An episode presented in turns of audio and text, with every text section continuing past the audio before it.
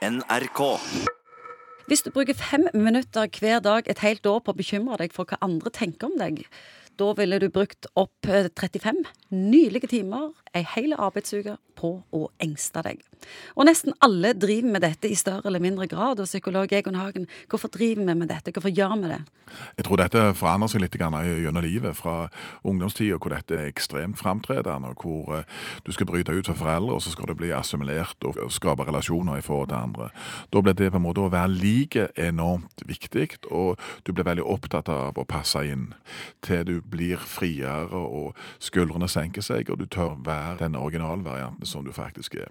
Men du bryr deg, selv om du er voksen, så bryr du deg innimellom om hva andre syns og tenker. Absolutt. absolutt, og det er klart at hvis vi skal Det må vi til en viss grad òg. Ja, vi må det. Vi er jo sosiale dyr, sant? og vi ønsker fortsatt å være en del av et fellesskap. Noen ganger så er det jo folk eh, prøver å tippe liksom, hvordan kan du egentlig vite hva andre tenker. Det er jo et ganske håpløst prosjekt i utgangspunktet. Noen ganger syns jeg det er faktisk vanskelig nok å sortere hva jeg sjøl tenker, finne den røde tråden i det. Så mange ganger så bruker folk himla mye tid på å prøve å tippe hva folk tenker, og det styrer mye av de valgene de gjør, og hvordan de føler seg. For Mange ganger så tipper du jo feil. Du tror kanskje folk er kritiske til deg, eller at de ikke syns at du er noe særlig til dama, og så viser det seg at dette er egentlig bare tatt ut av løse lufta. Og I en psykologisk sammenheng så er det jo sånn at vi møter folk som er blitt sinnssykt gode i dette. Folk som har sosial angst eller den type ting. De har jo en, bruker himla mye av tida si til å tippe hva andre mennesker tenker om dem, og stort sett så tipper de på den negative sida av skalaen. Du sier de med sosial angst som er veldig gode på dette. Er det ikke da et paradoks at til tross for usikkerhet og lavt selvbilde, at de da likevel har et enormt ego og tror at det er alle grunn til å tenke på hva de gjør? Ja, det kan du si. Det er jo på en måte en sånn negativ egosentrisme i dette. Det at verden kretser rundt Ja, ja, deres ja, akse. sant? Og, det er jo, og sånn jobber vi når vi jobber med disse tingene. At eh, folk har nok med sitt eget, og de bruker ikke så himla mye tid på å vurdere det. Klart, Min, min erfaring er at folk har mer enn nok med sin egen fylleangst. De tenker ikke på hva jeg gjorde i går. det, det er sant, egentlig. Det, sånn er det jo. Og det bruker vi jo så for alt det er verdt òg når vi prøver å hjelpe folk som har denne type problemstillinger. Nemlig å prøve å realitetsteste og rive og slite litt i den forestillingen om A, at alle tenker noe negativt om deg, og B, kan ikke bare få lov å tenke hva de vil.